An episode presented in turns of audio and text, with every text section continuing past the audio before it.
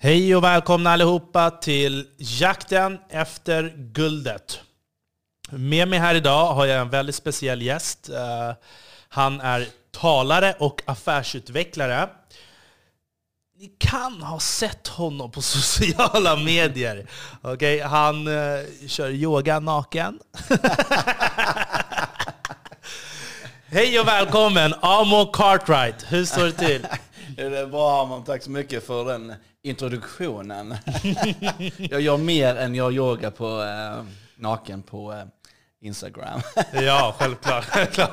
det är LinkedIn som egentligen är min stora plattform. Eh, men eh, nej, det uppskattar att jag fick vara här och ko- komma hit idag. Mm, det är så att jag har ju tyckt länge att du verkar vara en väldigt intressant person. Eh, Man ser hur din personlighet lyser igenom på sociala medier och det har varit det också som är the golden mindset, ditt branding, your mark som du förespråkar. Kan du berätta lite om det? Ja, egentligen är det väl inte något speciellt förutom att leva med att uppskatta varje, varje dag. Varje minut som du andas, brukar jag säga. Vakna morgonen och säga Wow, vilken underbar morgon! Och sen, då sätter du ditt mindset direkt. Det var ju någon som någon har skrivit på eh, sociala medier och har jag sett mindset. Alltså med ett mellanslag. Så att man set your mind hela tiden. Och det där I 20 år har jag hållit på nu. Och det, ju mer man håller på varje dag, precis som i allt annat, ju bättre blir man. Mm. Så från början var det jättetufft eh, och jobbigt eh, när jag började min förändring.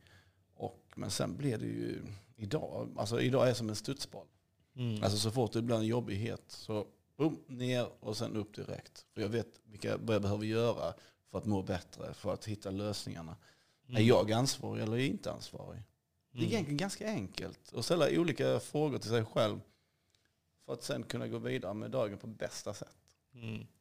Det var det jag tänkte att du måste ha fått det här på grund av en hel del beprövade värderingar under uppväxten.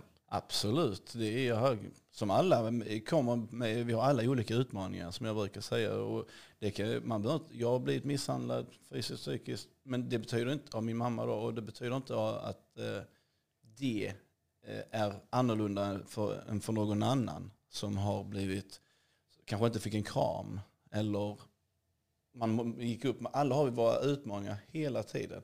Och det är hur vi tar våra utmaningar. Och vi, när vi är små särskilt så är det väldigt viktigt att förstå att vi har olika känslor. Alltså du har säkert haft dina utmaningar och det är samma som mina, även om kanske du inte blir slagen. Nu har jag ingen aning, jag får ställa den frågan. men, men det är det som är det viktiga, för att vi har alla känslor som väcker någonting inom oss. Mm. Och det, vad som har hänt är olika för oss alla. Vi är alla olika. Kan, vi, kan du berätta lite om din bakgrund? Om var du är uppvuxen någonstans och vilken skola du har gått i och, och sådär? Skola, ja. Jag har gått i på många skolor. Nej, men Livets hårda skola, eller? Livets hårda skola, bland annat. Nej, Jag är uppväxt i Skåne, i Hässleholm. Eh, och eh, jag har eh, haft, som jag sa, en tuff uppväxt. Med en moder som är då svensk och min pappa är från Bahamas. Och ja, när de särar på sig så började en, en stor... Mamma mådde inte så bra. Så, och då eh, började hon ta ut det på oss barn istället. Mm. Och, eh, det satte ju sina spår under mina skolår eh, och mina, min brors skolår. Men för att göra det bättre och bättre hela tiden. Jag försökte, man försökte ju vinna hennes gunst och var, var duktig i skolan, var duktig på olika sporter. Och, men det var ju svårt eftersom hon, hon hade redan bestämt sig att man var värdelös och liknande. Eh, och det var inte hennes fel, eller det är väl hennes fel, men hon mår inte bra. Och jag fattade ju det senare i livet, eh, när jag var 21, då när jag tog mitt snack med henne. Men det, det gjorde mycket under min uppväxt, särskilt under tonåren när jag bråkade en del när någon sa ordet neger. Och eh, då reagerade jag. Och eh, ja, då blev man ju lite sådär, folk visste vad man skulle säga till mig. Och, Mm. och om man ville ha bråk alltså. Särskilt när man var ute på disco, som det hette på den tiden, klubb för er yng- yngre. Mm.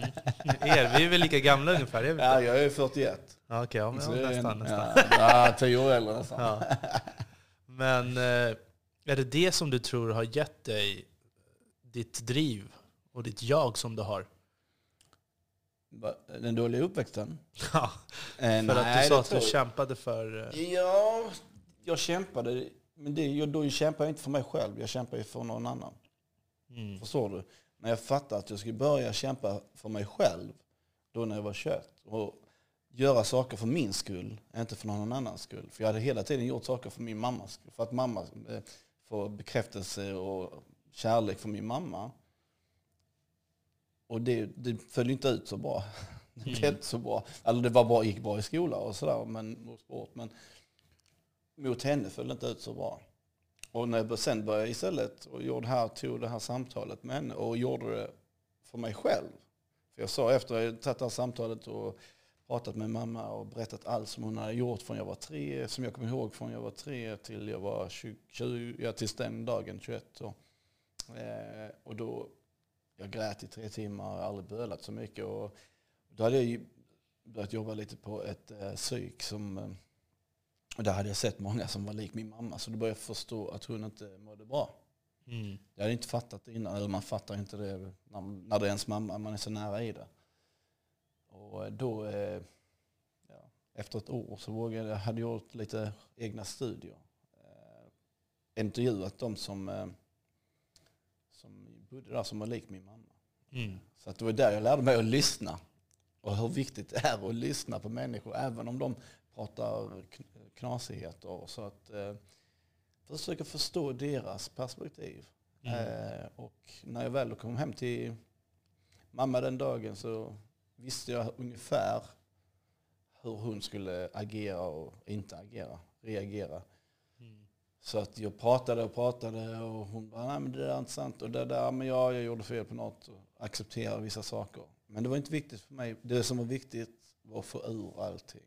Att få ur allting. Jag, bara, jag ber om ursäkt. Eller eh, sen sa jag till henne, det sista jag sa, att jag förlåter dig, jag älskar dig. Och så kramade jag henne och så gick jag därifrån. Och när jag stängde den dörren, då var det som att eh, äh, eufori i hela kroppen. Jag var så glad och studsade hem till lägenheten och försökte behålla den här känslan av glädje jag hade inom mig.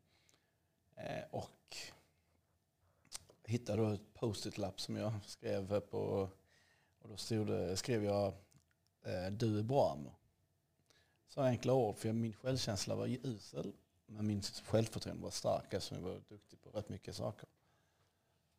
Så då tog jag den lappen och satte på badrumsspegeln. Och så lovade jag mig själv att jag ska, varje gång jag går på toa så ska jag kolla in i spegeln och så ska jag läsa den här lappen minst fem gånger. Mm. Så under en dag kunde det vara allt från 20 gånger till ja, hur mycket som helst egentligen.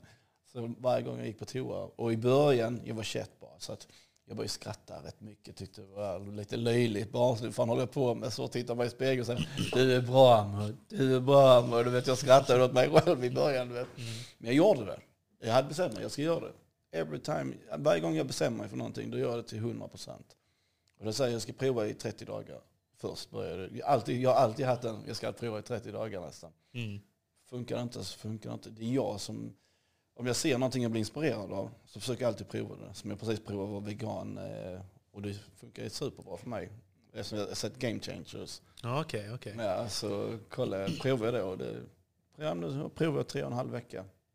Mm. Och, eh, ja. Ja, Men så, var- så var livet. Och sen efter då åtta månader, nu hoppade jag ju lite, men så efter åtta, sju, åtta månader så tog jag ner lappen. För då sa jag, då kände jag att jag var bra. Jag, kände, jag hade sorts själv, starkt självförtroende. Så det funkar lappen. Och det är ingen som hade sagt det till mig, det var jag själv. Så det är ingen som har kommit och sagt till mig att hur jag ska göra, hitta mig själv och förstå mig själv. Det, var bara, det bara kom. Jag, jag är rätt lätt för att se mönster i livet och vad jag mår väldigt noga med och veta vad jag ska göra för att må bra. Särskilt efter det där. Och men då så, tog ner lappen och sa, från mig idag är det jag som bestämmer hur jag mår och ingen annan. Det förändrar hela mitt liv. Och det här är 20 år sedan nu. Så att, eh, det är en lång resa. En Jakt, lång- Jakten på det golden mindset. Exakt. alltså, jag har ju lyssnat lite mer på det, eller jag har hört alla poddar som du har varit med i. Har du? tror jag inte. Har många? Eller okej, fyra stycken. Ja, exakt, jag har varit med i tolv. Jaha. De som inte finns på nätet finns inte. De finns, en tredjedel av dem har du inte hört. Mm, vad konstigt. du har hört en tredjedel menar jag. Ja, Okej, okej, okej, okej. Hur som haver. Du, du, du har ju en eh, spännande historia och jag vet att det det, det är det som är så svårt när man gör de här poddarna. Hur ska man lägga strukturen för att inte hoppa för långt fram eller bak i berättelserna? Men du har ju samlat på dig erfarenheter som har gjort att du har skapat det här golden mindset. Ja. Uh, och det är det du förespråkar nu och föreläser runt om i hela landet. Kan du berätta lite, vad, vad är din mission och vision? Ja, My purpose, jag brukar prata om purpose på mina föreläsningar. När du vet, vem är jag först och främst brukar jag säga. Vem är jag? Varför är jag? Och vad vill jag? Mm.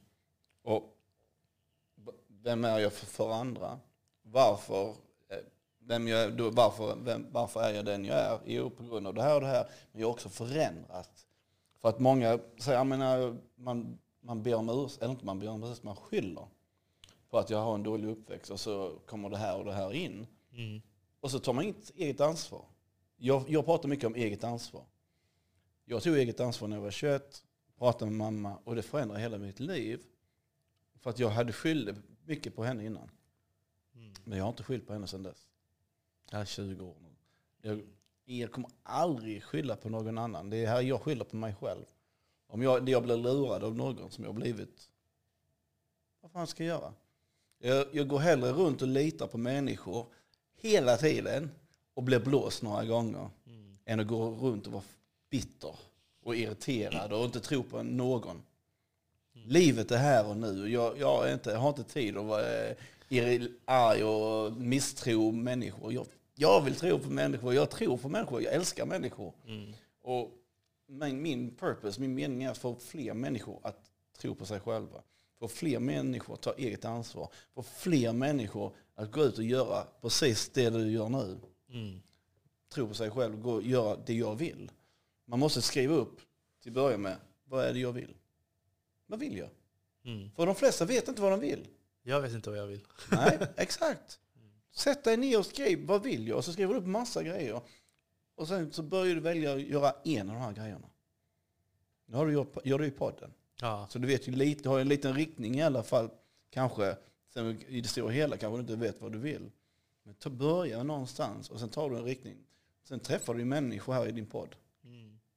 Mm. Vad händer då? Då kanske du ja men du vet vad, ja, men jag har ju något, ja, men jag har någonting på gång. Här, du kan, eller de här, jag känner de här. Prova med dem lite. Om det är någonting som du ja, gillar. precis, precis. Connections, nätverka hela tiden. Mm. Förstå andra människor, lyssna på andra människor. Det är otroligt viktigt. Så my purpose är att få fler att göra precis vad de vill och må bra av det. Ja. Och du, du är ju också extremt genuin i dina medier. Och jag, det här är också någonting liksom... Jag är egent, alltså det här är så sjukt, för att jag har, jag har sagt det här nu två gånger i podden. Uh, Sara Larsen, henne känner du ju också. Ja, ja, Hon är ju extremt sig själv hela tiden. exakt. Du är också dig själv hela tiden. Och är du aldrig rädd?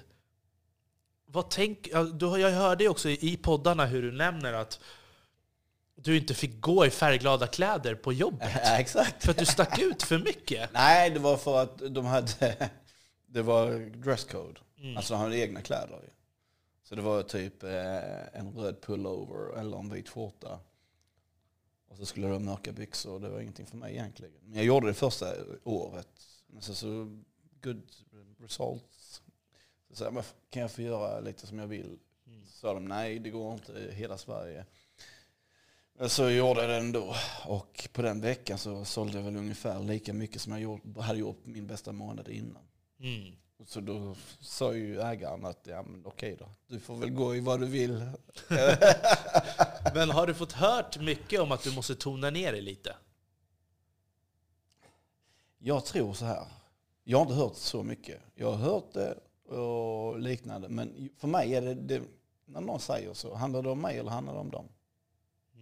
Varför ska jag tona ner mig? Vad är det, jag, jag, är det, vad är det som gör att du vill att jag ska tona ner mig? Att du suger åt all syre, men det är inte ditt fel att de inte kan andas. Ja, för det mesta så försöker, vadå säger jag ut? Alltså, jag, försöker ge an, jag försöker lyssna på andra människor. Som jag sa till dig innan när vi snackade. Du får, ja, men det är bara jag som har pratat nu sa du. Ja, det är så jag är. För jag, jag lyssnar och jag vill veta om dig. För jag kan allt om mig själv. Jag behöver inte prata om mig själv som jag gör nu. Du vill ju intresserad av mig nu. Men jag, jag kan ju allt om dig. Så innan vi, nu innan vi satte igång här så berättade du hela din life story som jag, wow intressant och hur det gått och upp och ner, misslyckande. Och, wow, det, det är där. Det är det som är viktigt. Så syre vet jag inte om jag tar. Men nej, jag alla, tycker... alla tar ju, nej, nej, jag vet. Men alla tar ju syre. Men jag, jag försöker alltid vara öppen och kärleksfull och mm. visa att jag tror på dig och lyssnar på dig. Och, För jag själv har ju försökt att anamma er genuinitet och vara sig själv 100% i media. Har, du är inte rädd för att det ska liksom stoppa dina affärer, utan du har berättat Nej. att det liksom ska främja dina affärer. Absolut. Jag, jag gör svettiga videos på LinkedIn. Mm. Det var den första som gjorde det, vad jag vet. Det är ing, och jag fortsätter. Men jag gör, bara, jag gör saker som känns bra för mig. Mm. Om jag får, hur det började var ju att när jag tränar, så då blev, jag tränar varje morgon på, klockan fem på morgonen, och hjärnan sätts igång. Kroppen är igång, hjärnan sätts igång. Jag börjar reflektera över saker som jag kanske pratade om igår. Mm. Eller saker som kommer att hända idag.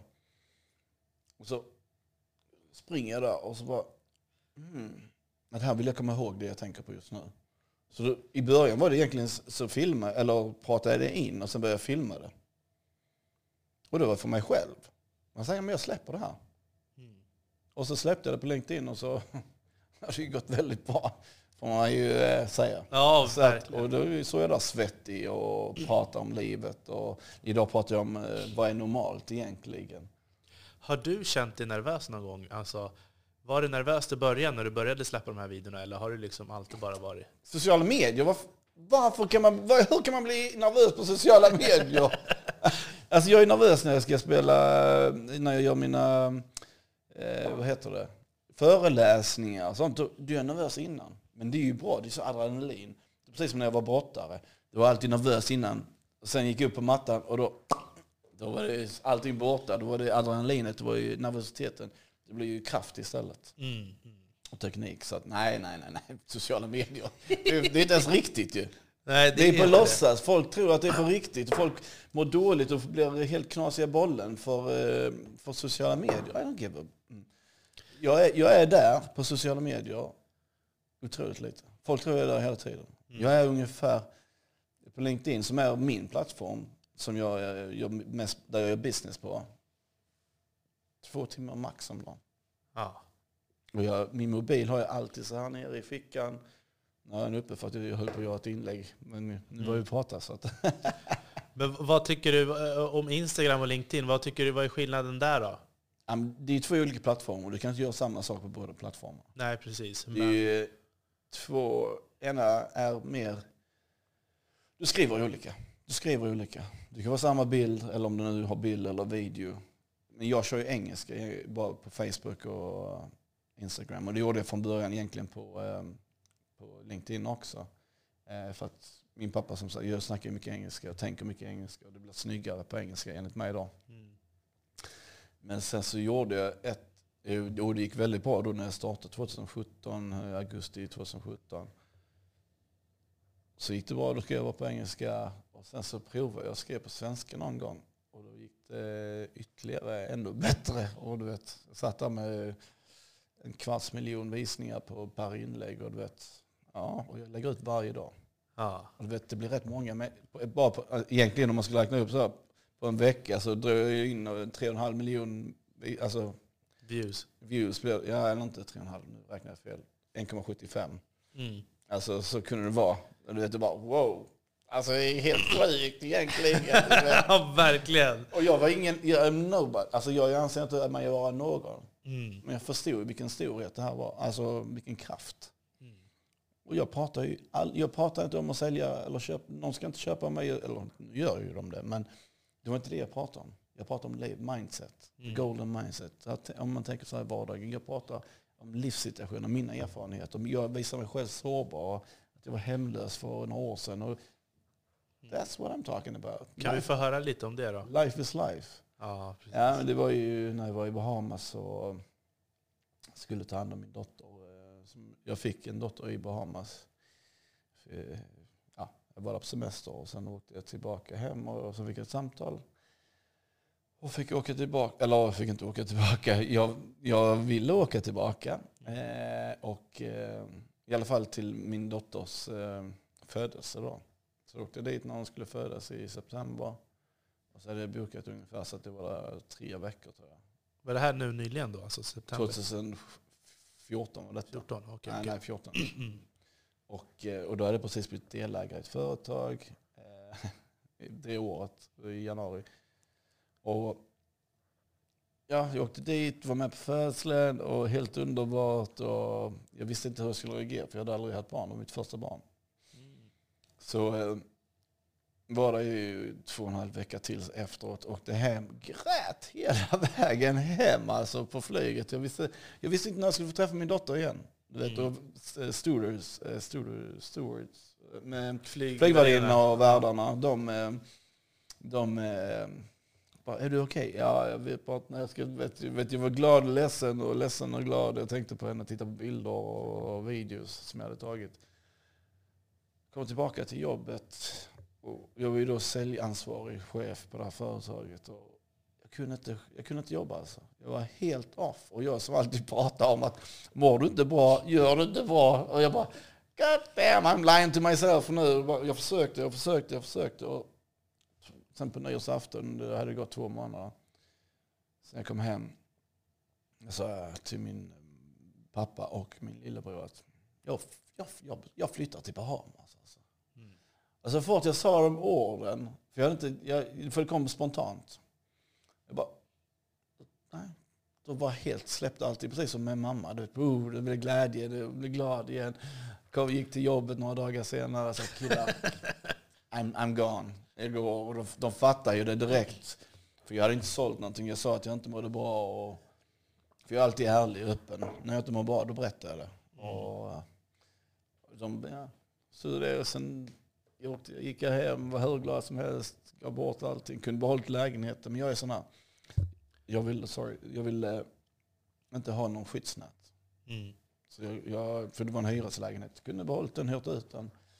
Men då är det också så här, då har jag någonting att komma tillbaka till. Precis, du ville stänga den dörren. Stänga den dörren, hur tufft det än blir så ska jag vara kvar där. Och du var 35-36 här då eller? Är 36 ja. Ja. Mm. Exakt. Så då, början på 2015 så åkte jag till Bahamas. Och hade inte sparat något extra men jag hade ju pengar. Eh, jag hade ju en del pengar. Men, eh, och eh, klarade mig under tid. Och fick inget arbetstillstånd. Som jag, min, pappa, jag är, min pappa är därifrån men jag har ju aldrig, jag har ingen nationalitet. Eller sådär. Mm, så du har inget, vad heter det, bahamesisk? Eh, Bahamskt. Bahamskt pass? Nej. Nej, nej, nej, nej precis. Nej, Hur länge får man stanna där då på turistvisum? Får du säga? Egentligen är det tre månader i taget men jag heter ju Cartwright. Och Ja.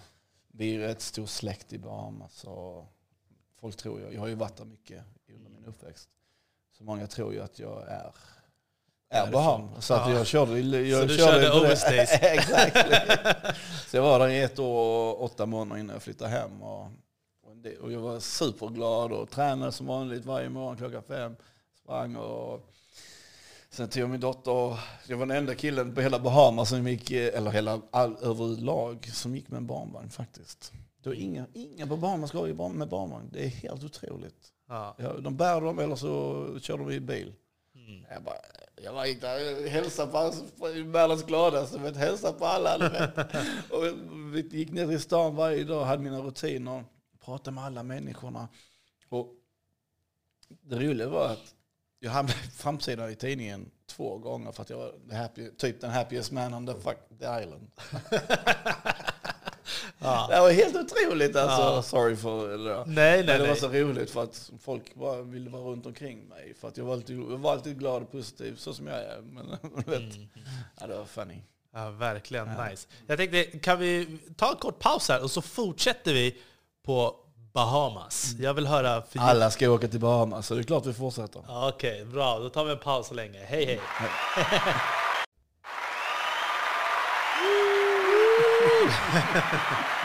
Då är vi tillbaka. Uh, ja, men det här blir Bahamas-avsnittet då. Ja. Jag, jag blev intresserad och jag vill berätta lite mer. Hur, hur var det att vara där? Du var den glada... Ja, det var helt otroligt. eh, En upplevelse var det. Bahamas, ju- jag har ju varit där sen jag var liten, eh, sen jag var nio år tror jag var där första gången. Varje sommar då på sommarloven eller på vinterloven då. Så, eh, men det var ju på en, Bahamas består av 700 öar. Drygt. Sju, 700? Ja precis, drygt 700 öar. Så det är en skärgård kan man säga. Fast, eh, det är som Stockholms skärgård fast eh, lite varma klimat och lite vita sandstränder och eh, kristallklart Men är det inte dyrt där också? Har jag? Extremt dyrt. Det är världens sjunde dyraste land. Så, hur, Så att det är lite hur, klar, hur klarar du dig där då?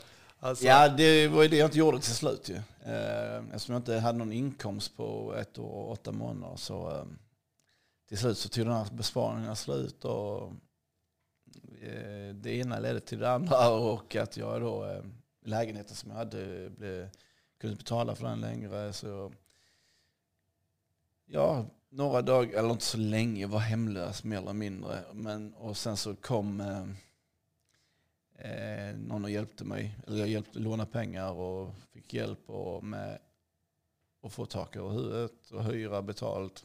I Bahamas då eller? Ja, i Bahamas, ja, ja Ah, precis. okej, I ja. Bahamas. Eh, för att jag ville inte lämna även om jag. Man vill aldrig lämna! Ja, jag var med min, nej, det var ju för min dotters skull, för jag visste inte om jag åkte hem hur det skulle bli och sådär. Och jag mådde bra, träffade, hade härliga människor runt omkring mig.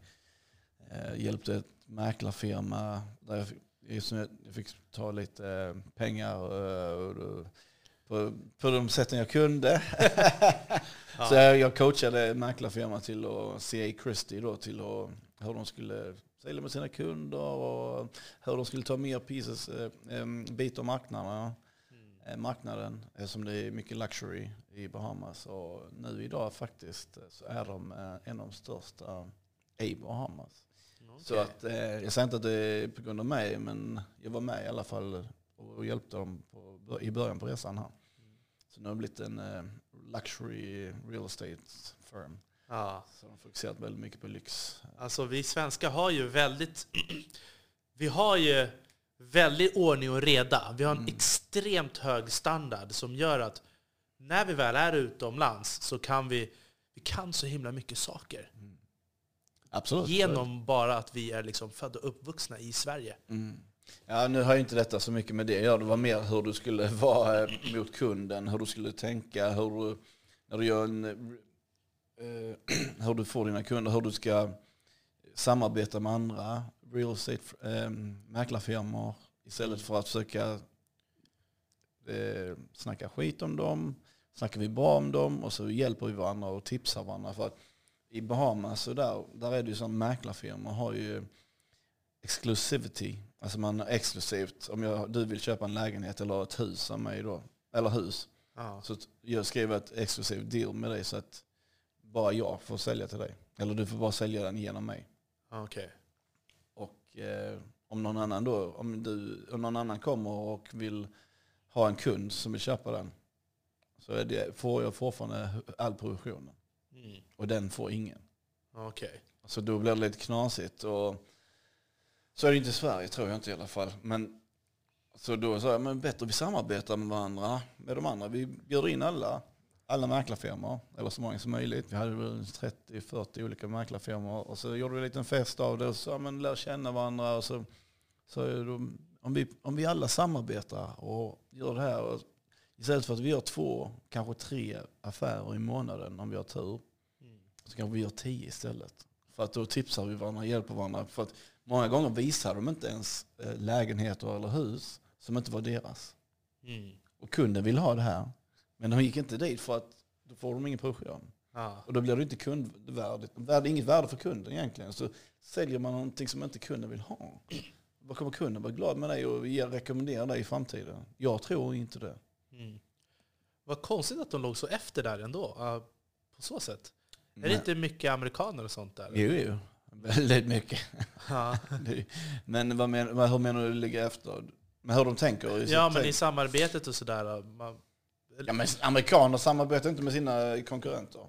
Eller, de, Jag säger att du ska kalla för kollegor i branschen. Och det är så här, de är ju precis som amerikanerna. De, här tävlar vi vem som är störst och bäst och hit och dit. Okej. Eh, och vem som säljer mest. Och Det är väldigt viktigt när man är mäklare. Men hur lokalborna då? Vad ligger ungefär snitt månadslönen på där och hur lever de? Ja, du, eh, där, en annan sak som jag, som jag då tycker är bra jämfört med Sverige, det är att man bor ju hemma längre. Mm. Och man, det är mer familjen, du går i skola, du får ju alla delar på, eh, på kostnaderna i hemmet. Mm. eh, När du börjar tjäna pengar. Eh, Så att, men i genomsnitt, jag vet inte, vad kan det vara? 1200 dollar kanske i månaden. Mm. Och det är ett och två, eller 12 000 menar jag. Och vad ligger eh, boendekostnader på då? Vi ser om... De flesta köper sina hus. Okej. Eh, Så de har redan betalt av det. Eh, Vad får- kostar ett hus då? Alltså, Ja, nu i Nassau så är det svindyrt. Men många gånger har man ju ärvt från far- farföräldrar, alltså generationer som går i de här Mm. husen. Eh, och, men ett på mindre bra område, eller där det inte är så poppis, det är kanske ett eh, hus på tre, två rum, sovrum toor och eh, kanske går på 200 000 dollar. mm. Men sen så, vi sålde ju i nästan inget sånt. Vi sålde lite dyrare, 20 miljoner Mm. dollars hus. Jäklar. Det var riktigt så här, vet man. Eh, ja, det var jävligt kul. Väldigt Mm. kul alltså. Mm. Det var som eh, MTV Cribs. Alltså det var, vilka hem alltså. Det var, ja, det var helt galet. Även om för 10 miljoner, även om för 5 miljoner dollar. Det är ändå 50 miljoner svenska pengar. Precis. Men vad, vad, är, vad ligger provisionerna på där då? Företaget, det en, en lägenhet eller ett hus, då får du 6% och då får du som säljare, om du har exclusivity, då får du 3% och företaget tar 3%. Mm. Alltså. Christie Firm tar 3% och jag som säljare får 3%. Har du inte exclusivity, och det är det, då får jag säljare, om, det någon, om du kommer med ett sälj med en kund till mig, Mm, mm. då får du 1,5 procent och jag får 1,5 procent och fortfarande får min, den firman som... Får 3 procent. Ja, Ja. precis. Det. Och sen är det då land, om man säljer land, bara en piece of land, eh, Mm. mark, då är det 10 procent. Mm. Så då får jag som eh, säljare 5 procent. Och det är min kompis eh, som är eh, managing partner. Han sålde på en island för 68 miljoner dollar. Och fick 10 procent. Congratulations! Men alltså, du sa Nassau. Är det, alltså, det är, det är- huvudstadsön. mm, så det är där, Black Sails, har du sett den eller? Ja, ja, det är där. Ja, precis. Ja, exakt. det är där. Ja, exakt. Ja, nice. exakt ja, Hur många invånare som bor där ungefär? i hela Bahamas lite drygt 300 000. Men i själva Nassau som är en av de minsta öarna bor det ungefär 200 000. 200 000. Och det, det blir så congested, eh, väldigt Kompakt. kompakt och tight och en liten ö. Men det är där alla jobben finns och därför kommer de flesta där. Och det är, jag gillar inte Nassau själv personligen. Mm. Jag älskar the islands. Alltså, vet, lugnt, du behöver aldrig låsa dörren. Där är, du går till strand, du kan två, tre kilometer lång vit sandstrand. Alltså vatten som ser ut som en pool och så kan du bara klara dig om du vill. Helt naken och bara gå rakt ut. För det är inte en enda person som är på stranden. Mm. Du är helt själv och njuter livet. För Bohemians går inte och badar så mycket som vi, eh, jag som då är svensk. exakt, exakt. Jag älskar ju att gå och bada varje dag. Mm. Mm, så att det är helt underbart. Nej, fantastiskt alltså. Jag skulle också vilja åka dit någon gång. Men det är inte så dyrt. Ja, det är inte dyrt att åka dit. Om du bara ska vara som turist så är det inte så dyrt. Det är Men- dyrt att leva där. Ja, men alkohol då? Om du går ut på krogen Men och rum, alkohol i vilket land du än eh, kommer till så är det billigt. Är det det? Ja, I, jag, I alla fall de länder jag varit. Thailand var det ganska dyrt. Äh, ganska dyrt. Alltså, Men öl kostar väl 160 tre spänn? baht. Nej. Vad är det? 160 baht? Alltså 160 baht, eh, det är en öl och om du jämför med en thai-måltid som kanske ligger på allt ifrån 40, 90, Mhm. 120. Så att ölen kan ju vara dyrare än maten. Kan vara. Ja, men om Kan du köper vara. thailändsk Ja, om öl. du äter thai-mat. Ja, men du köper en thailändsk öl. Ja, thailändska ölen. 160 baht. Ja, den kostar mer än vad de importerade? Eller? Alltså alkoholen är dyrast. Ja. Så det är där de tjänar pengar tror jag. Ja, alltså det är inte... Ja, det har väl blivit lite dyrare, men där kunde du ju köpa en öl för 3 dollar. 30 sp- ja, det är ändå mycket, 30 spänn. Man tänker inte på det för det låter 3 dollar. Ja. Du vet. eh, Och rum, eller du köper ute eh, ja, en drink. eh, Kan vara allt från 6 dollar till 16 dollar beroende på vilken venue. Alltså vad det är för klass på stället. Ja, precis. Ja, men, Men du får extremt mycket alkohol i drinken. Alltså. mm, Helt otroligt. Det är Men- Caribbean style. men ändå, när du bodde där, alltså, körde du någon så här fiskning? För fanns det några andra överlevare så att säga som du lärde känna där borta? Som vägrade åka hem?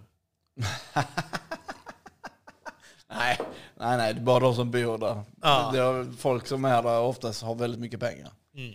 Alltså om du inte är därifrån så har du extremt mycket pengar. Mm. Det, är, det är det som är, det är ett skatteparadis, det är ju skattefritt i Bahamas. Så att eh, många som har företag eller mycket pengar, de investerar du 500 000 dollar så får du uppehålls, uppehållstillstånd och, och jobb, får jobba där och får bo där och sådär. Mm. För, för de som har mycket pengar så är det ingenting. Och då sätter de sig boendet i Bahamas. Så deras för, och det är kanske deras företag så de slipper skatta och liknande. Mm. Ja, men så där verkar det vara på många ställen i världen. Att eh, fem miljoner ligger gränsen och då får du uppehållstillstånd i eh, typ Spanien, USA och sånt. Exakt. Så det var en av, nu har de höjt det förresten, men det var en av selling points till de här rika amerikaner och kanadensare och ryssar var de rätt mycket också. Så hej, kom här så kan du tjäna lite pengar på, du spenderar fem mille, men du kommer tjäna väldigt mycket mer pengar i längden.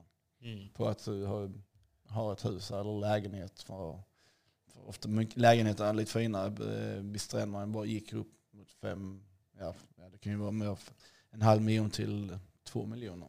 Så det var dyrare att bo vid stranden? Alltid, det är alltid, Seaview är alltid dyrare. Alltså personligen så tycker jag att Seaview, eh, jag gillar inte Seaview. Vi sitter här vid Seaview nu, det är hur vackert som helst. Ja men här, det är inget salt som slår på husfasaden som försämrar Nej, färgen, så förstör nära. bilen. Ja, men, Och, ja, så att, Eh, Nej, men det, men det har inte väldigt kul och intressant. Och träffa många härliga människor och nätverka. Och, ja, men det är det. Man nätverk, jag är, kan inte hjälpa det, men jag är, älskar människor och blir inspirerad av människor. Och tog till mig väldigt mycket där. mm. Här är några som du har kontakt med idag? Ja, väldigt många. Ja. väldigt många. Väldigt många. Från andra delar av världen då, eller, eller Bahama? Nej, från Bahamas men också från andra delar av världen. För jag har ju rest en del i mitt liv så att jag skapar kontakter var jag än är. Jag brukar, jag var i Australien och bodde hos folk som jag hade träffat på en annan resa. så bara, "Hej, jag vill komma till Australien, jag har aldrig varit där. Kan jag bo hos er? Absolut, sa de. Ja, Mm. det är där. Hur gammal var du då? då? Det var ju 2010, Tio? Ja. så det är inte så länge sedan. Åtta år sedan. Mm. Nio år sedan, ja. Ja, men så du gillar att resa runt och connecta och sådär. Jag känner på en gång att vi är lite likadana. Ja, ja, men det var, men, alltså, man connectar med människor. Det, alltså det, antingen så gör du det eller så gör du inte det. Det är inte mer med det. Och vet, jag vet ju när jag connectar och jag vet när jag inte connectar. Och då är det bara disconnecta och gå därifrån. Och behöver inte, man, man har trevligt den stunden men sen behöver det inte bli mer. Jag vet vad som är bra för mig och inte bra för mig. Jag är väldigt noga för jag har en sån stark grund här inne i, innanför bröstkorgen. Så jag vet vad jag vill och inte vill.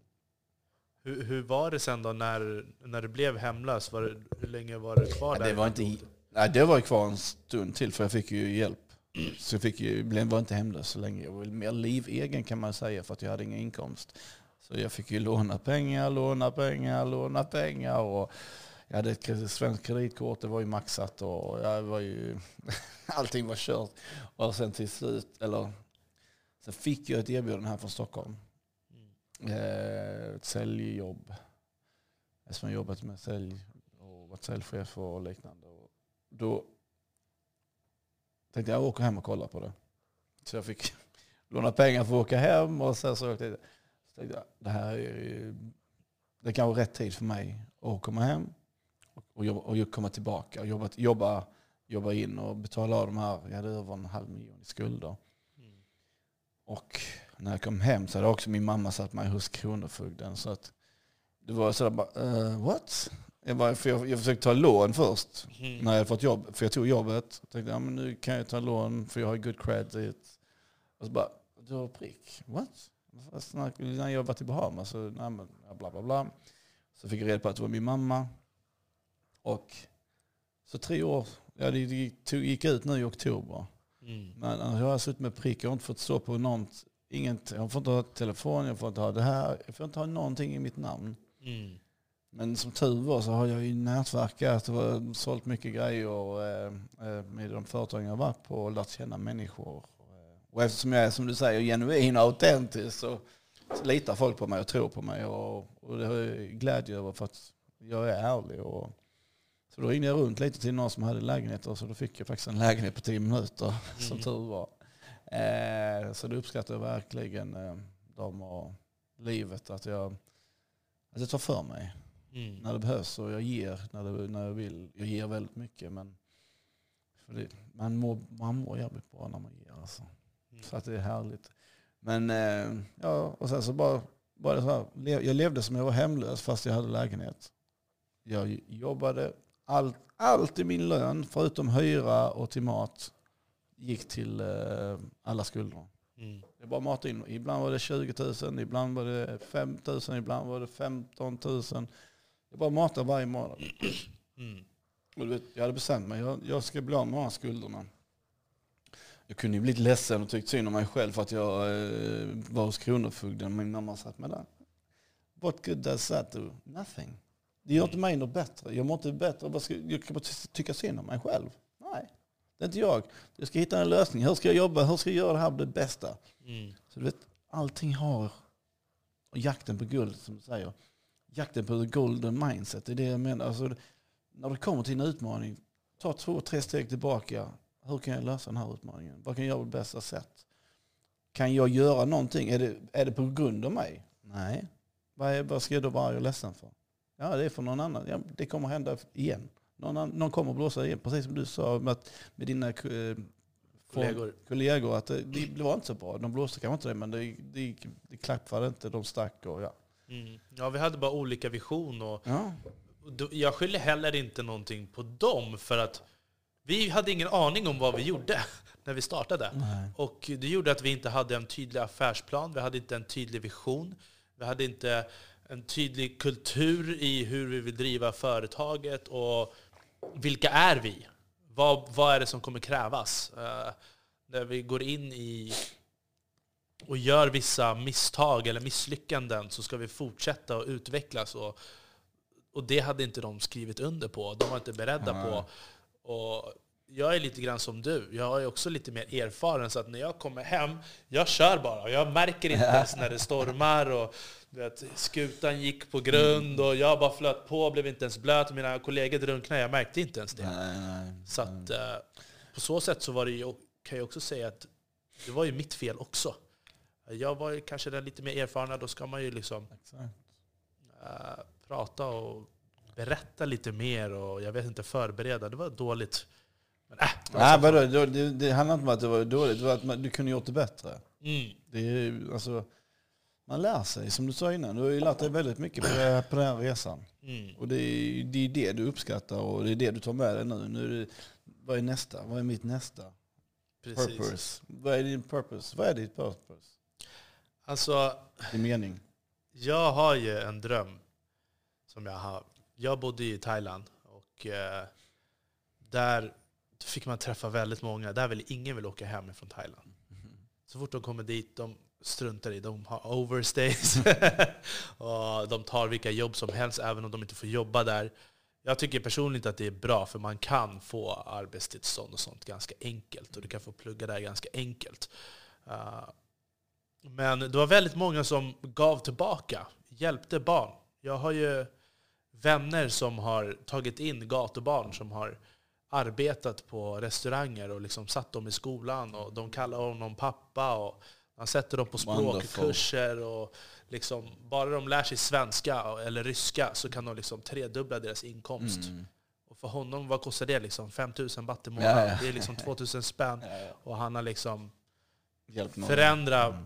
Barns liv. Och när Wow. man ser hur, hur alla där... Det finns ju de som är fattiga och man tror att alla thailändare är fattiga. Så är det inte.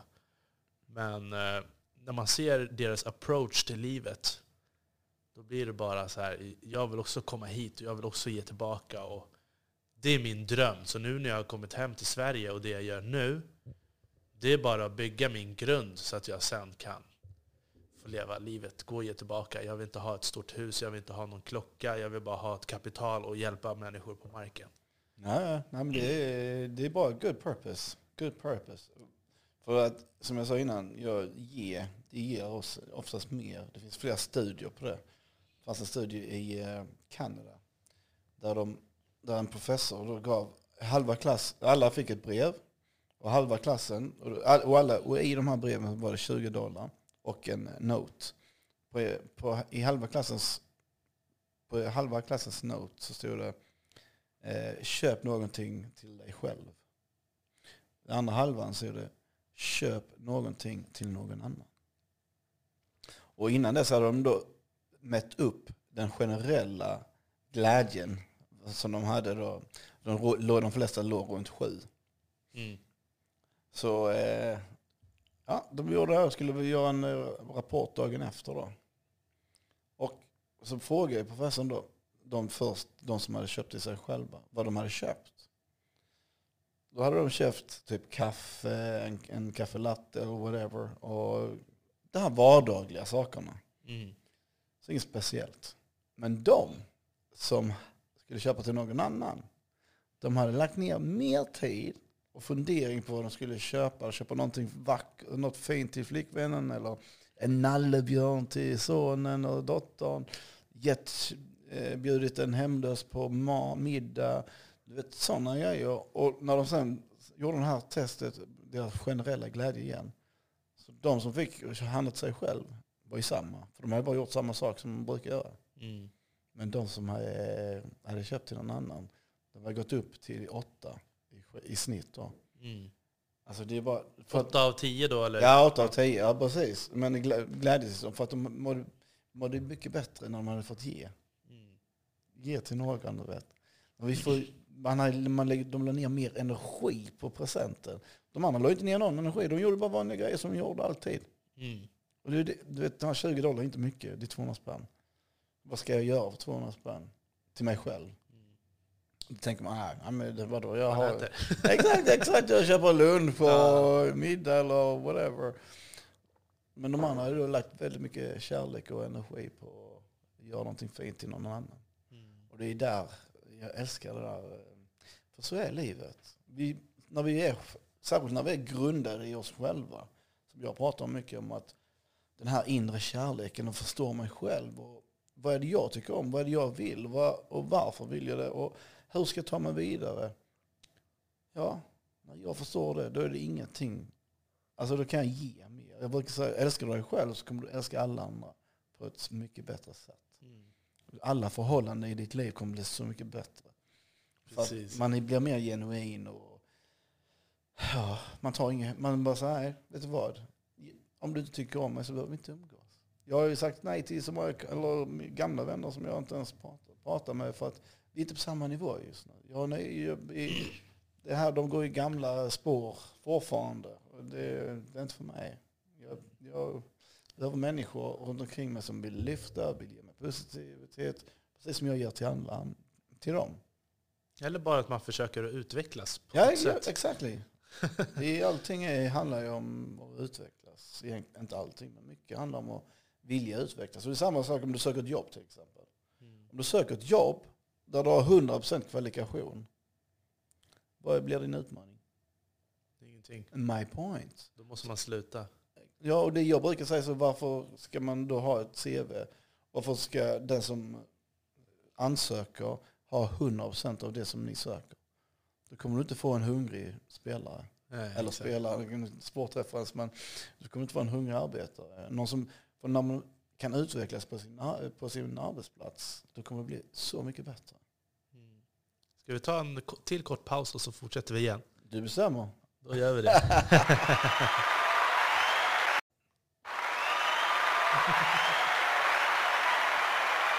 Ja. Fortsätta med eh, det vi pratade om, lite det här med personlig utveckling och att om du anställer någon som 100% Ja, precis. kvalificerar. Nej, men det, det är bara en, en grej av så mycket i livet egentligen. Att, alltså, rekryterare idag, eller företag, de kollar de att man ska ha allting ifyllt i boxen. Om du istället låter dem ha 70% ifyllt, Mm.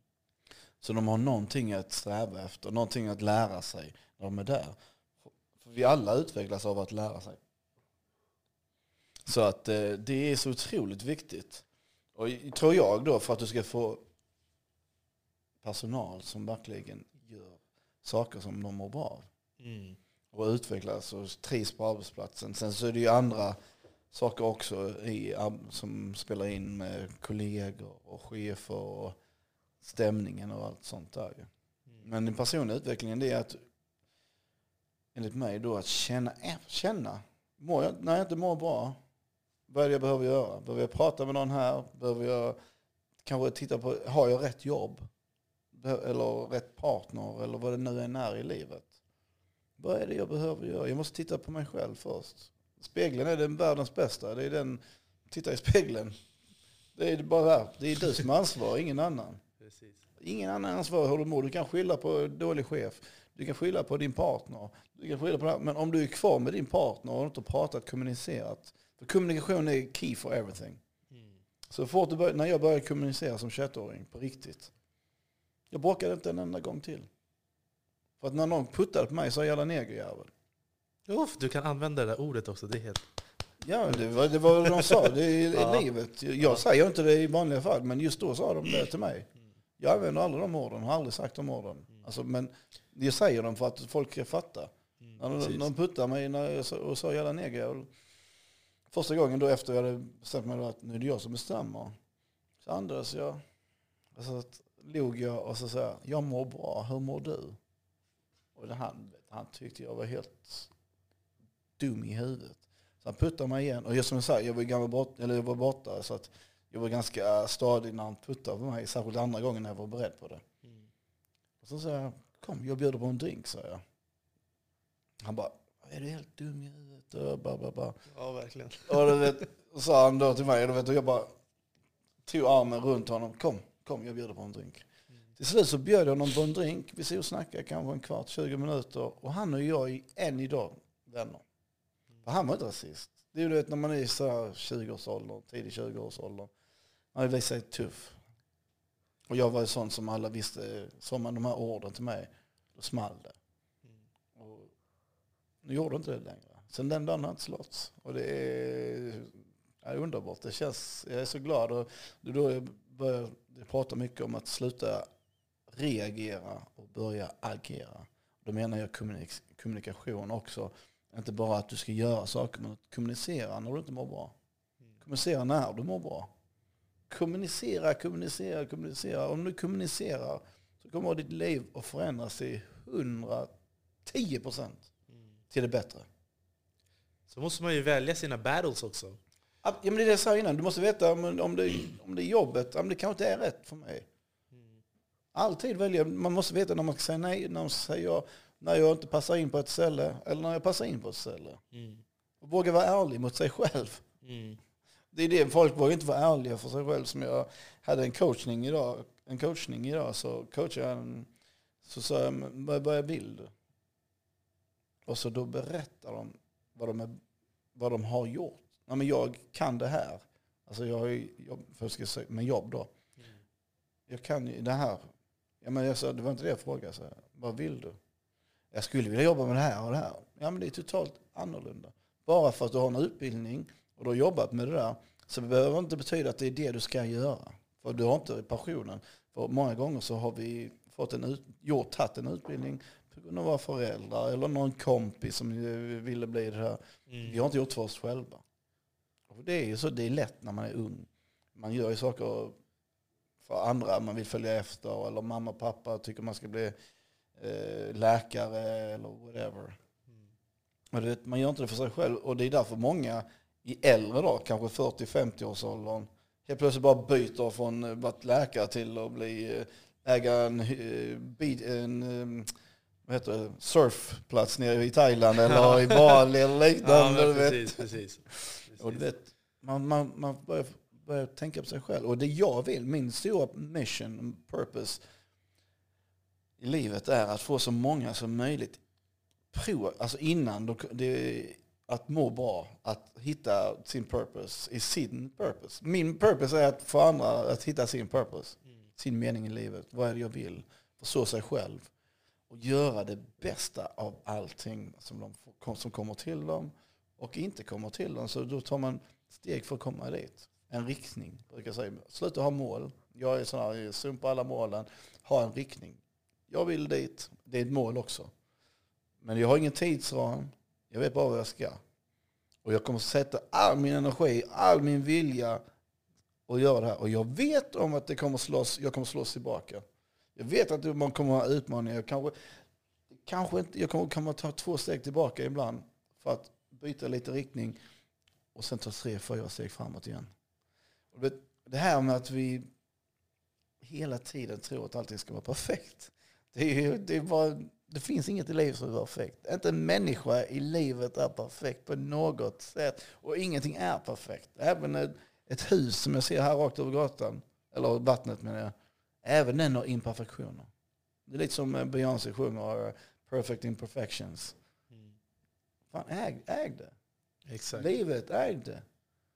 Livet går upp och ner. Men vad händer om du har EKG? Vad händer när det är flat? Man det- dör. Ja, exakt, då är du död.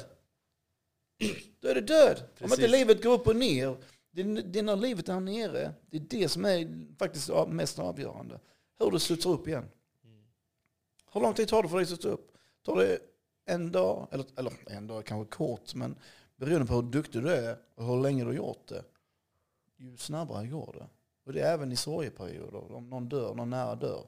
Eller jag själv har fått ett, eh, någonting eh, som, som berättat för mig eller liknande. Att jag kanske har, har en sjukdom. Men ju bättre du... För så här är det, många, många börjar leva som bäst när någonting tragiskt händer.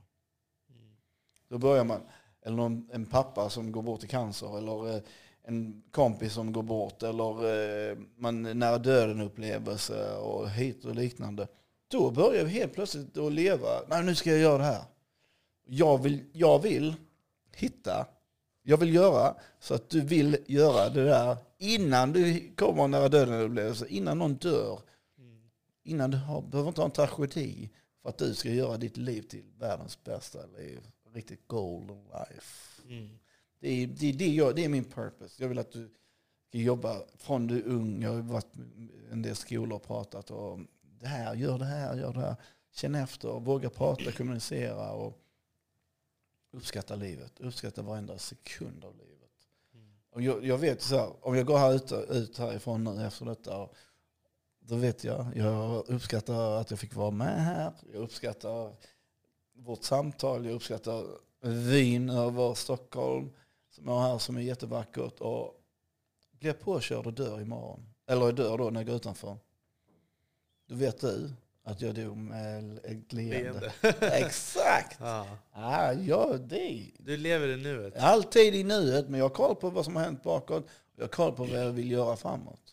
Mm. Men jag lever här och nu. Jag, det, det är därför jag säger, ta en riktning, ta inte ett mål. Kan du fortsätta prata lite så tar jag filmar lite här medans eller? ja, ja, det är lugnt, det är lugnt. Men, nej, men det är därför jag säger, jag, tar, jag, tar inga, jag gör inga mål i mitt liv. Jag, jag tar en riktning. Jag vet att det kommer göra ont. För att det är det det allting handlar om. Livet 1.0 finns inte. Livet är bara ett liv. Vi har 1.0 menar jag. Mm. Det är det enda som finns. Precis. Och eh, det som är viktigt är ju att vi lever det livet vi har och inte tar någonting för givet. För precis när som helst kan vi kula Mm. av. Och det är det som är eh, uppskatta livet, var här och nu. Det, det finns ju någon som man säger, eh, lever du för långt bak så blir du depressed. För att du ser tillbaka, du tittar, lever för mycket, du har inte tagit tur med de sakerna som har hänt i ditt liv. Lever du för långt fram så får du ångest för du stressar upp dig. För det här, jag måste hitta hit. samma som det här med mål. Man ska hitta mål hela tiden, delmål, det här, det här. Istället för bara leva här nu. Jag gör det bästa jag kan här just nu. För, för, och många frågar mig, men vad vill jag göra om tio år eller fem år? I don't know. Eller hur? Alltså jag, jag har varit kock, jag har varit städare, jag har jobbat i butik, jag har varit inom vården i tio år. Jag har varit säljare, säljchef, jag har eh, massor av grejer. Jag har varit företagsägare, jag är företagsägare nu. Jag vet inte. Det kanske ändras. Livscykeln, jag vet inte hur min livscykel ser ut då. Jag är hela tiden öppen för förändring. Och det är också någonting som är viktigt. Open for to change. Ja, alltså förändring. Alltså för mig är det också öppenhet. Och jag tycker att desto mer och mer erfaren man blir, desto mer och mer öppen blir man. Och förstår att... Och så, så bryr man sig inte heller om så mycket saker och ting. Utan det är bara...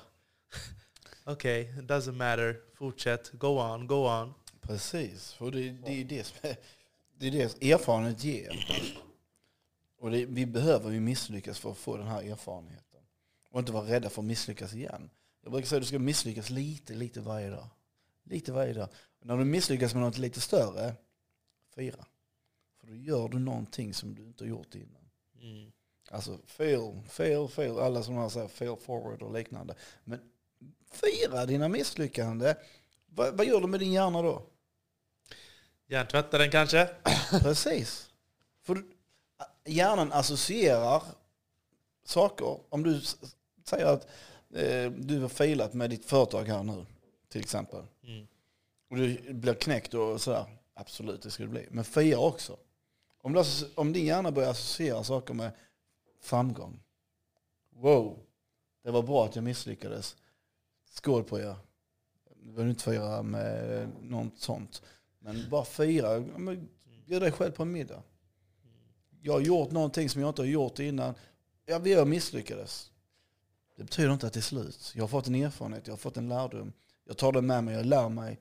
Och sen nästa gång, då vet jag att jag inte, vad jag inte ska göra. Jag vet, jag vet kanske inte helt och hållet vad jag ska göra. Men jag vet att jag, de här fallgroparna, de har jag koll på. Det är som du spelar tv-spel. Mm. Första banan, du är klart första banan, andra banan så dör du på andra banan. Så behöver du börja om från nytt igen. Då vet du ju fallgroparna är Precis. och liknande. Så, att, eh. så jag håller helt med. Det, det roliga är också att sen har vi också på ett sätt ett samhälle som vi hellre vill att de som aldrig har misslyckats ska ha de ledande positionerna vi ser på en mm. arbetsplats. de som aldrig begår misstag eller vågar gå utanför ramarna. Uh, för mig personligen tycker jag att då har de kvävt ut talanger ur, ur bolag som faktiskt kan göra någonting, ge någonting. Mm. På grund av att de väljer fel personer att leda kalaset, eller vad man ska säga. Ja, och det roliga med det som du säger, det är att de har misslyckats också. Flera gånger, bara att de, de vill inte, visar inte det och säger inte det och liknande. Istället för att säga, men jag har misslyckats, våga misslyckas här.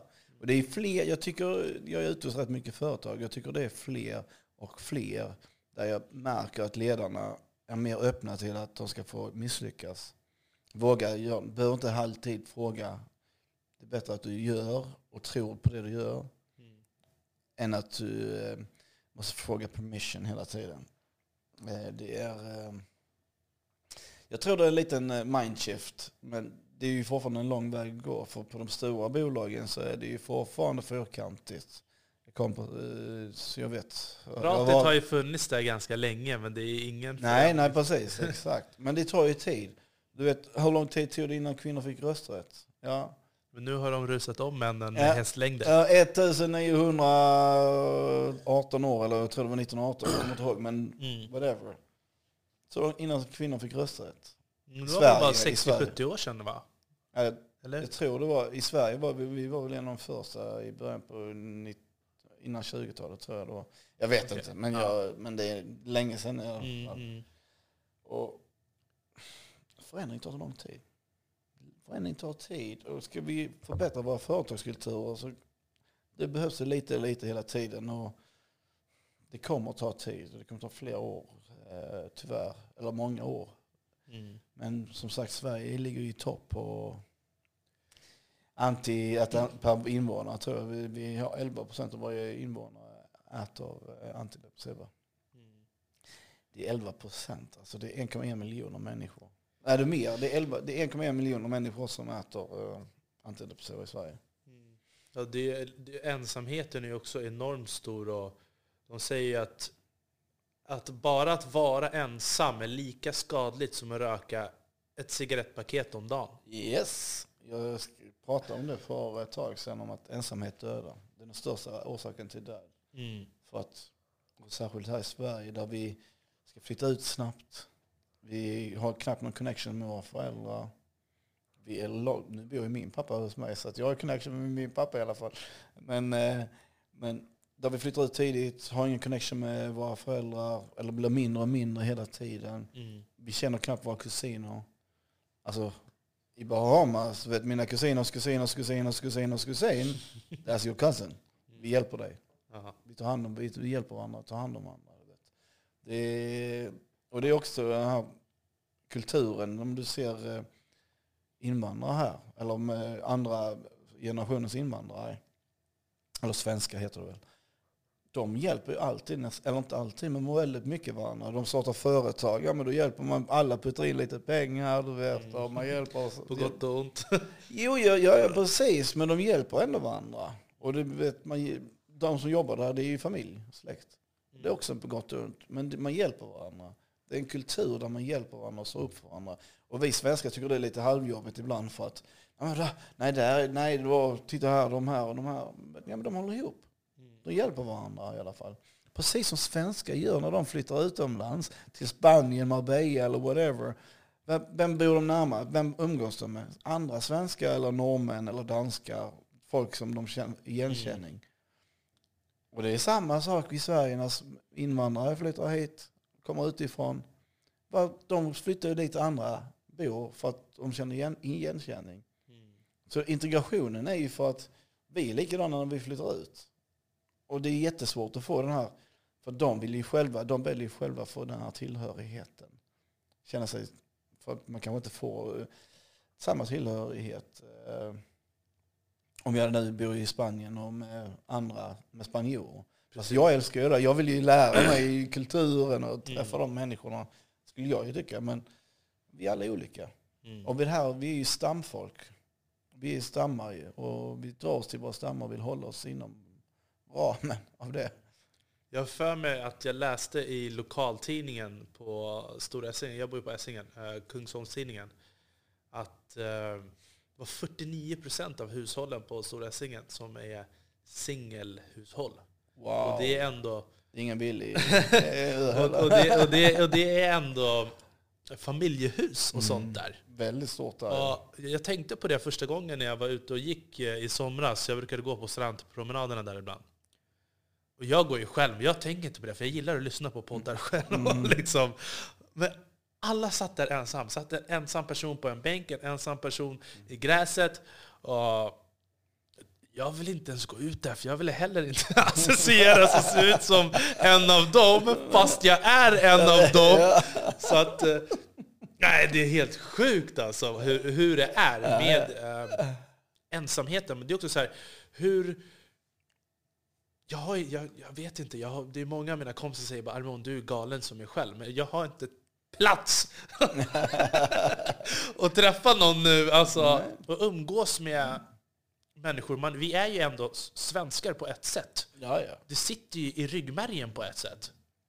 Även fast jag vet om det, så vad ska jag göra? Jag är inte...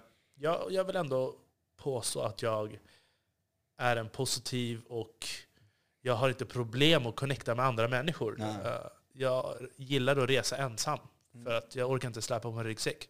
Jag träffar nya människor så här. Wonderful. Men eh, här i Sverige, vad ska vi göra här då?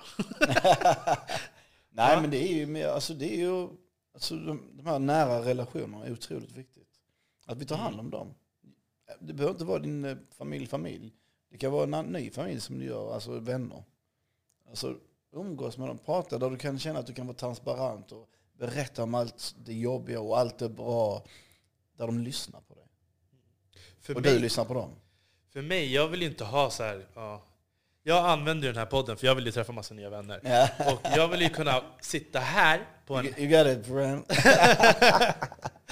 Jag vill liksom kunna sitta här på, på en helg och bara dra upp lite visioner, missioner på whiteboarden, dricka lite öl och det är mitt nya liv. Liksom. Som jag vill explore. Ja. Och då gäller det att hitta likasinnade. Att, eh, Absolut, absolut.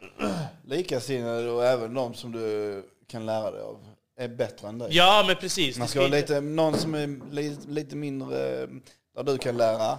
Sen ska du likasinnade, sen ska du ha någon som är lite bä- bättre än dig. Ja, alltså det måste ju finnas mångfald, men ändå, ja, hela vägen. men ändå något slags driv, tycker jag. Någonstans där du kan vara mentor, någonstans där du kan vara, eh, där ni är samma och någon som är mentor för dig. Mer eller mindre. I din umgängesrätt där du, de har gjort saker som du vill göra kanske. Precis, precis. Jag har ett mindset, rätt mindset. Mm. Jag tycker verkligen det här har varit eh, ett härlig, en härlig konversation och eh, jag vet inte att det ska ta slut här. Jag tycker att vi ska köra en liten snutt till. är du med på det eller? ja, det är jag. Definitivt. Ja, men bra, vi tar en kort paus igen. Okej.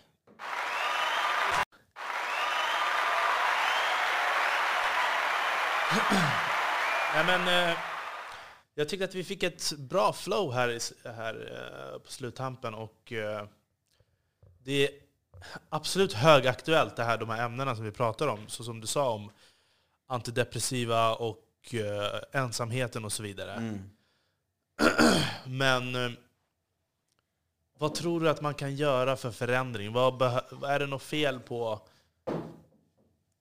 svenska, svensk strukturen eller vad tycker du? Ja, men det en kultur som jag kommer inte ihåg när den sades eh, när det var 60-70-talet, att ensam är stark. Att en bra man reder sig själv. Och liknande sådana här gamla av, av, eh, talesätt. Och där man då satt in det i, eh, i kulturen, i samhällskulturen. Och man gick väl ut att eh, man ska bo själv och liknande. Innan hade man ju bott precis som i Bahamas, bott hemma. Tills man var klar med skola eller om man gifte sig. Kanske inte när man gifte sig. Men, men det var ju sådana grejer. Och idag så har vi, vi separerar oss mycket och vi är väldigt sociala på sociala medier. Mm. Men väldigt asociala i ren real life. Och särskilt om vi inte har druckit alkohol. Mm. Då blir alla sociala helt plötsligt. Och öppnar upp och pratar. Men man har dåligt på att kommunicera när man är nykter. Precis. Och det är där, det är där jag tror nyckeln är, kommunikationen. För att öppna upp. Men varför, varför mår vi dåligt? Jo, för att vi inte pratar. Vi pratar inte när vi inte mår bra. Vi pratar inte när vi mår bra. Vi gör inte det vi vill. Det tror jag är en av de största. Vi gör inte det vad vi vill. Och så blir vi stressade över det och så blir vi sämre och sämre och sämre. Och så mår jag inte bra av det och så, så blir det, det blir en ond spiral. Det blir, det blir ingen positiv spiral för att jag gör saker varje dag. Jag går till ett jobb som jag inte tycker om egentligen. Jag gör det bra, men jag tycker inte om det. Mm. Jag trivs, men jag tycker inte om det. Mm. Och så låtsas lurar vi oss själva hela tiden. Jag, eller jag lever med en partner som är helt, det var bra i början, men nu så känns det inte alls bra. Och vi har, jag har försökt prata, eller man pratar inte ens om det många gånger, Mm. tyvärr. Man bara gör slut eller man försöker inte, öppna inte ens upp. Istället för att göra slut eller bara gå i det, öppna upp och prata. Anders, jag mår inte bra. Eller Ulrika, jag mår inte bra Mm. på grund av det här. Det känns som att vi har tappat det här och där skulle vi kunna jobba på det. Och sen så provar man. Och ger det lite tid. Tre, sex månader, jag har ingen aning. Men under en tid. För att många går inne och har inne för länge. Och ju längre tid det går, desto svårare är det att göra förändringen. Och det är samma som du gör slut med någon. Så jag brukar säga det är som en fiskelina. Du fiskar och så, så linan poppar, eh, går sönder. Och så knyter du ihop linan igen. Mm. Och så provar du fiska igen. Hur lätt är det att den går sönder på samma ställe igen? Eller att den här knuten går upp? Väldigt lätt. Betydligt lättare. Och det är samma sak. När du har gjort slut med någon så gjorde du av en anledning oftast. På grund av det här och det här och ni kunde inte komma vidare. Och sen går ni, så blir man ihop igen, tillsammans igen och så. Allt guld och gröna skogar i början. Det är precis som man träffas på nytt. Och sen så faller man in i samma gamla vana. Mm. Och så undrar man vad, vad händer? Nu är vi på samma ställe igen. Och så, en del fortsätter att leva i det. Men kanske, då kanske blir otrogna eller gör dumma saker. Och en del, nej, men nej det går inte. Så vi gör slut igen. För det här med, oftast så funkar det inte att göra slut och göra ihop, bli ihop igen. Vi gör slut, blir tillsammans igen. Vi, vi är inte ärliga mot oss själva. Vad är mitt ansvar i det hela om jag ska må bra? Mm ja, det, det är tufft. Men det, det, här, det här egna ansvaret och det egna förståelsen för sig själv och hur jag fungerar. Mm. Hur fungerar jag med andra människor? Ställa frågan till min partner eller till, min, till mitt chef eller till mina kollegor.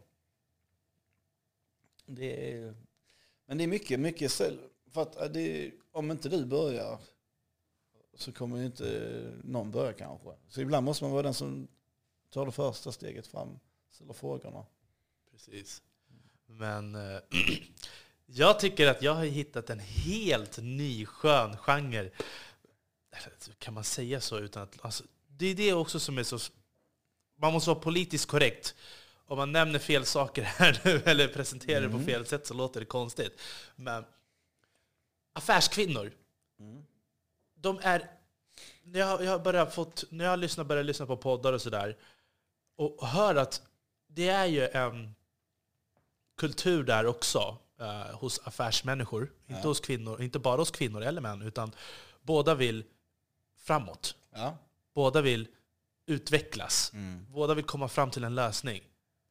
Alltså det, vad, vad, är det som händer? Det måste ju gå hur bra som helst för de här affärskollegorna uh, som liksom kan ha öppna konversationer? Va, eller, tror att, eller tror du att ekonomin...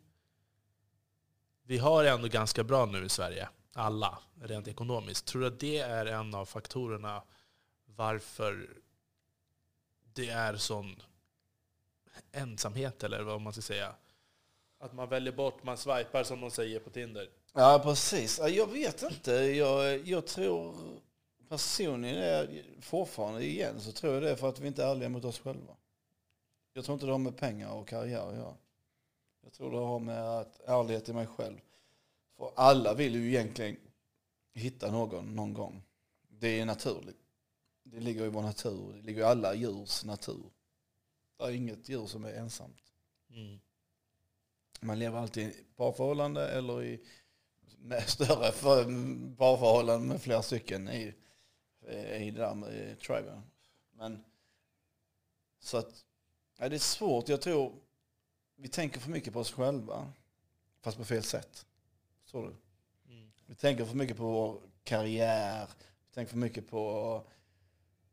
Vi tänker inte på livet. Vi tänker inte på livet. Vi uppskattar inte det vi har.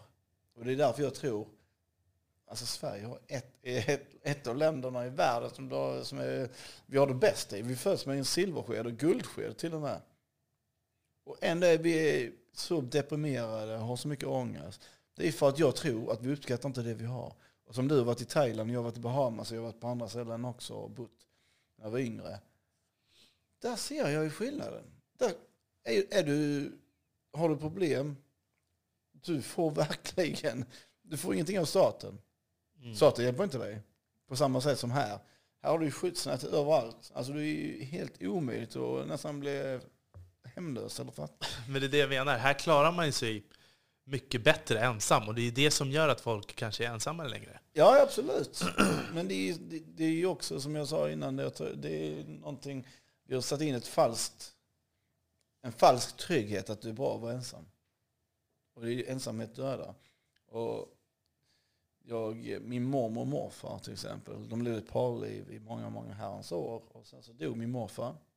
Kort därefter så dog min mormor. Hon var inte sjuk överhuvudtaget. Mm. Men det här är ensamheten.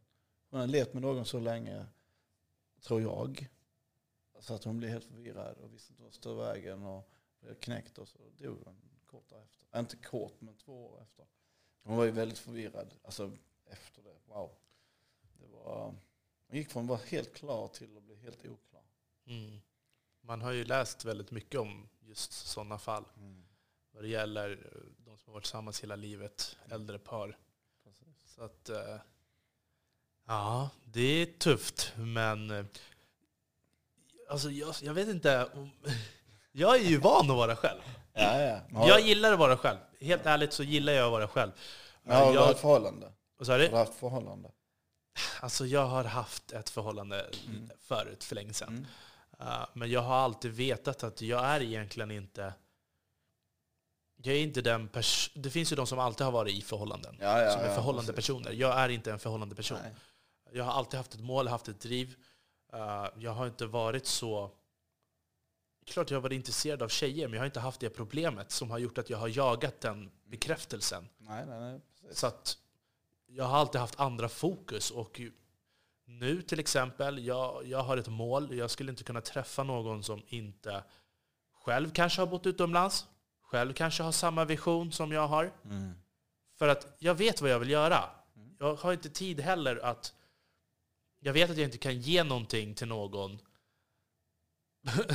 som- när vi inte vill samma sak. Liksom. Det är onödigt att hoppa in i det. Ja, ja, absolut. Så att, eh, och på så sätt är det så här, om vi inte träffas på den här resan, när jag håller på bygger mitt personliga varumärke, jobbar med podden eller eh, med, med de affärerna jag vill göra, Mm. då kommer jag då, hämta, då får man väl bara ta någon sen. För jag är inte så kräsen heller. Det låter som att jag är kräsen. Jag är kräsen på resan. Men när resan väl är där och jag är, kanske är klar, då bryr jag mig inte. Ja, fast du ska ju inte bara ta någon. Nej, men nej, nej, nej. nej. Men Det ska jag- ju jag- jag klicka inte- också och må bra. Ja, ja men ni jag är inte, jag är inte, jag är inte liksom kräsen så att... Nej, nej, nej. Så, nu är jag kräsen innan. om Ja, ja, om det ska få plats nu. Liksom. Jo, jo, men du behöver ju, även om du, när du, din, resa, din resa är klar så börjar ju en ny resa sen. Mm. Vi, det vi reser genom hela livet. Semesterresan börjar då. Ja, vi reser genom hela livet. Hela livet är en resa. Det är bara nya destinationer, nya stopp. Stopp, nu är du klar med den här resan, nu är det nästa resa. Så det är, då behöver du en man eller kvinna, vad man nu har, så behöver man någon som stöttar en, som man lyfter en. Som det här jag menar, som jag sa innan, våra närmaste ofta kanske inte är de bästa på att lyfta oss. Men man behöver någon som stöttar en och man mår bra av och man kan ge kär, kärlek till och allting. Så att eh, Har du en partner nu? just nu har jag faktiskt inte det. Nej. Jag är singel. Tjejer! Va? Ja, precis. Nej, men jag har också jag fokuserat väldigt mycket på mitt företag som är nu, The Golden Mindset AB. Så att eh, kört väldigt mycket. Och sen så har jag två barn. Mm.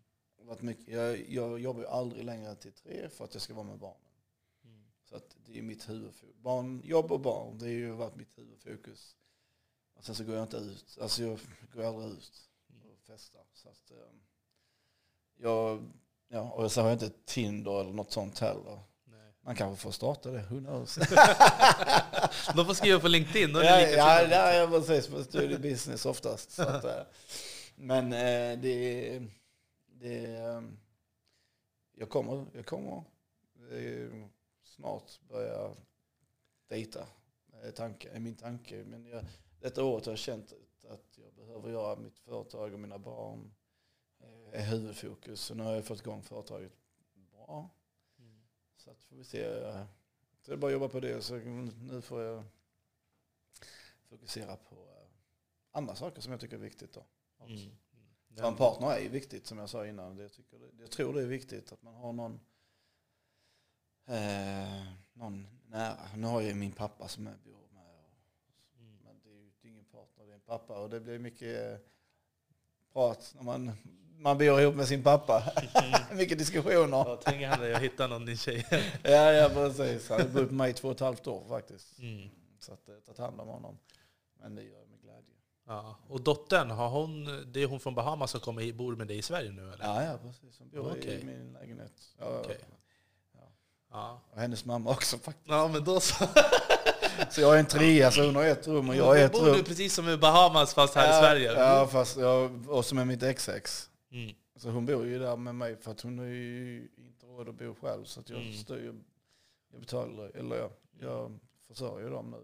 Så att, eh, men hon gjorde mycket för mig i Bahamas. Ja, men det är Så att, klart. så att nu alltså, är jag tillbaka. Och, men jag, bara, jag är glad att jag har min dotter i Sverige som har nu varit här i två och ett halvt år.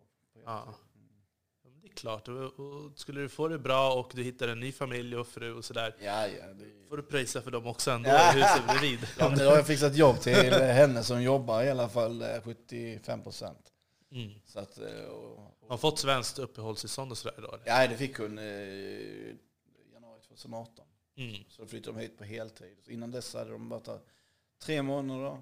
Och sen bort tre månader. Tre månader. Så att jag betalade, då blev jag, det var väldigt eh, krävande ekonomiskt. Fram och tillbaka och betala för dem i Bahamas och sånt. Mm. Men eh, det gick. Ja. Det gick.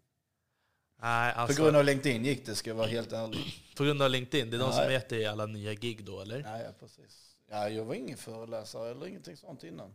Mm. Men det är på grund av LinkedIn som jag kunde starta eget och vara hyfsat eh, framgångsrik. Ja, precis. Big ups till LinkedIn. Nej, men jag märker det. Ja, det, ja. det Det är everyday. Det är också, jag är committed. Jag, jag brukar säga the force is commitment creates commitment creates consistency to become a champion. mm. Så jag har varit consistent, jag har varit cre- committed och jag har varit kreativ i hur jag gör mina inlägg och liknande. Och jag har gjort det varje dag. Mm. Två och ett halvt år snart. Idag hade jag mitt 900 personliga möte. One-to-one-möte från LinkedIn. Jäklar. 900 på två år, två år och tre, eh, drygt tre månader. Då kör du videosamtal då eller? Nej, personliga så här. Som Aha. vi sitter nu. Okej. Ja, ja, alltså, Då bokar ni ett möte bara för att... möta genom LinkedIn och så snackar man och så eller ser, kan hjälpa dem eller de kan hjälpa mig eller whatever. Ja, ni, du jobbar verkligen hårt då, och du använder verktyget så som man ska använda det. Definitely, annars ska, ska jag inte vara där på. Mm. Det är min enda plattform. Eller jag, jag, jag, jag håller på Instagram med, men, men det är min plattform. Där jag, det är mitt jobb. Där är mitt jobb. Det Mm. är LinkedIn. Precis, precis. Där jag gör all business på. Nej, alltså jag tycker att vi har haft ett riktigt fantastiskt samtal idag. Och jag tycker det var Samma, roligt. Väldigt trevligt att få vara här. Ja, men alltså det är roligt. Jag känner att vi har äntligen fått... Nu har jag fått en ny vän här igen. Det är exakt det vad podden handlar om. Egentligen, det är en smygis för att hitta nya vänner. Ja, ja, precis. Som är likasinnade, men du har ju kontor inte så långt härifrån. Ja, precis. Där du sitter och jobbar. Några gemensamma nämnare hade vi där. Och, eh, men du berättade också att du hade någon nätverksträff där. Ja, precis. Jag har ju startat ett affärsnätverk här i Stockholm förra året tillsammans med Thomas Wilander som heter A slash W, AV. Och jag, tänkte, jag tyckte det var smart, för Ammo heter jag ju, han heter Wilander i efternamn. Så vi gör det till AV. Alla kommer att tro att det är AV. Vet, eh, Vill komma dit, för svenska älskar ju AV, after work. Så, eh, och det har väldigt populärt. Vi har minst 60 personer varje gång. Hur ofta kör ni de här då? Eh, Det är lite olika, var sjätte, var sjunde, var sjätte till åttonde vecka. Eh, Ja. Så. Eh, Och så har vi alltid på nytt ställe. Så det är oftast, vi blir sponsrade, allting är sponsrat. eh, Så det är mat och det är bubbel och det är eh, talare och, Ja, och, hela... och, andra sponsorer också. Som kommer, eh, oftast några företag som vi, vi har, brukar låta ut eh, ja, hörlurar, vi har låtat ut hemlarm, vi har låtat ut iPads och vi har låtat Mm. ut ja, allt möjligt. Som man, vi skapar små tävlingar där då. Nice, det är exakt det här jag också vill göra. Ja, så. så det är välkommen imorgon. Jag taggade dig i inlägget. ja, jag såg det. Jag ska gå in och kika på det här. Ja, så det är bara att anmäla dig. Det är ju redan... Så det är, Mm. det är Ja, men nice. Då har ni så här free drinks, free food, ja, två, det är en free drink, eller två free drinks menar jag. Två free som det brukar vara. Ja. ja. Sen så får man köpa resten. För det, det är ju...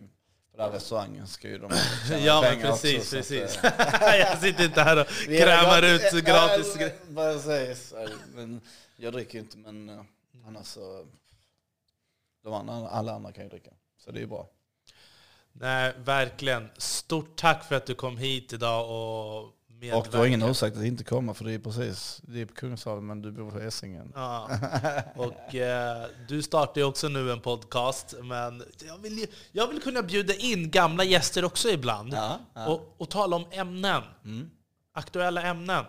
Så att, eh, jag hoppas verkligen att du vill komma tillbaka någon gång och Ja, ja, vi Det måste jag till. greppa något ämne bara. Ja, sounds good to me. Mm. Men jag uppskattar verkligen att jag fick komma och att du tog dig tiden att eh, höra av dig till mig och sitta här och prata med dig. Det är otroligt kul. Stort tack själv, verkligen. Och eh, till er andra, jakten efter guldet mina vänner. Vi hörs igen nästa vecka med vänliga hälsningar, Armand Faltin.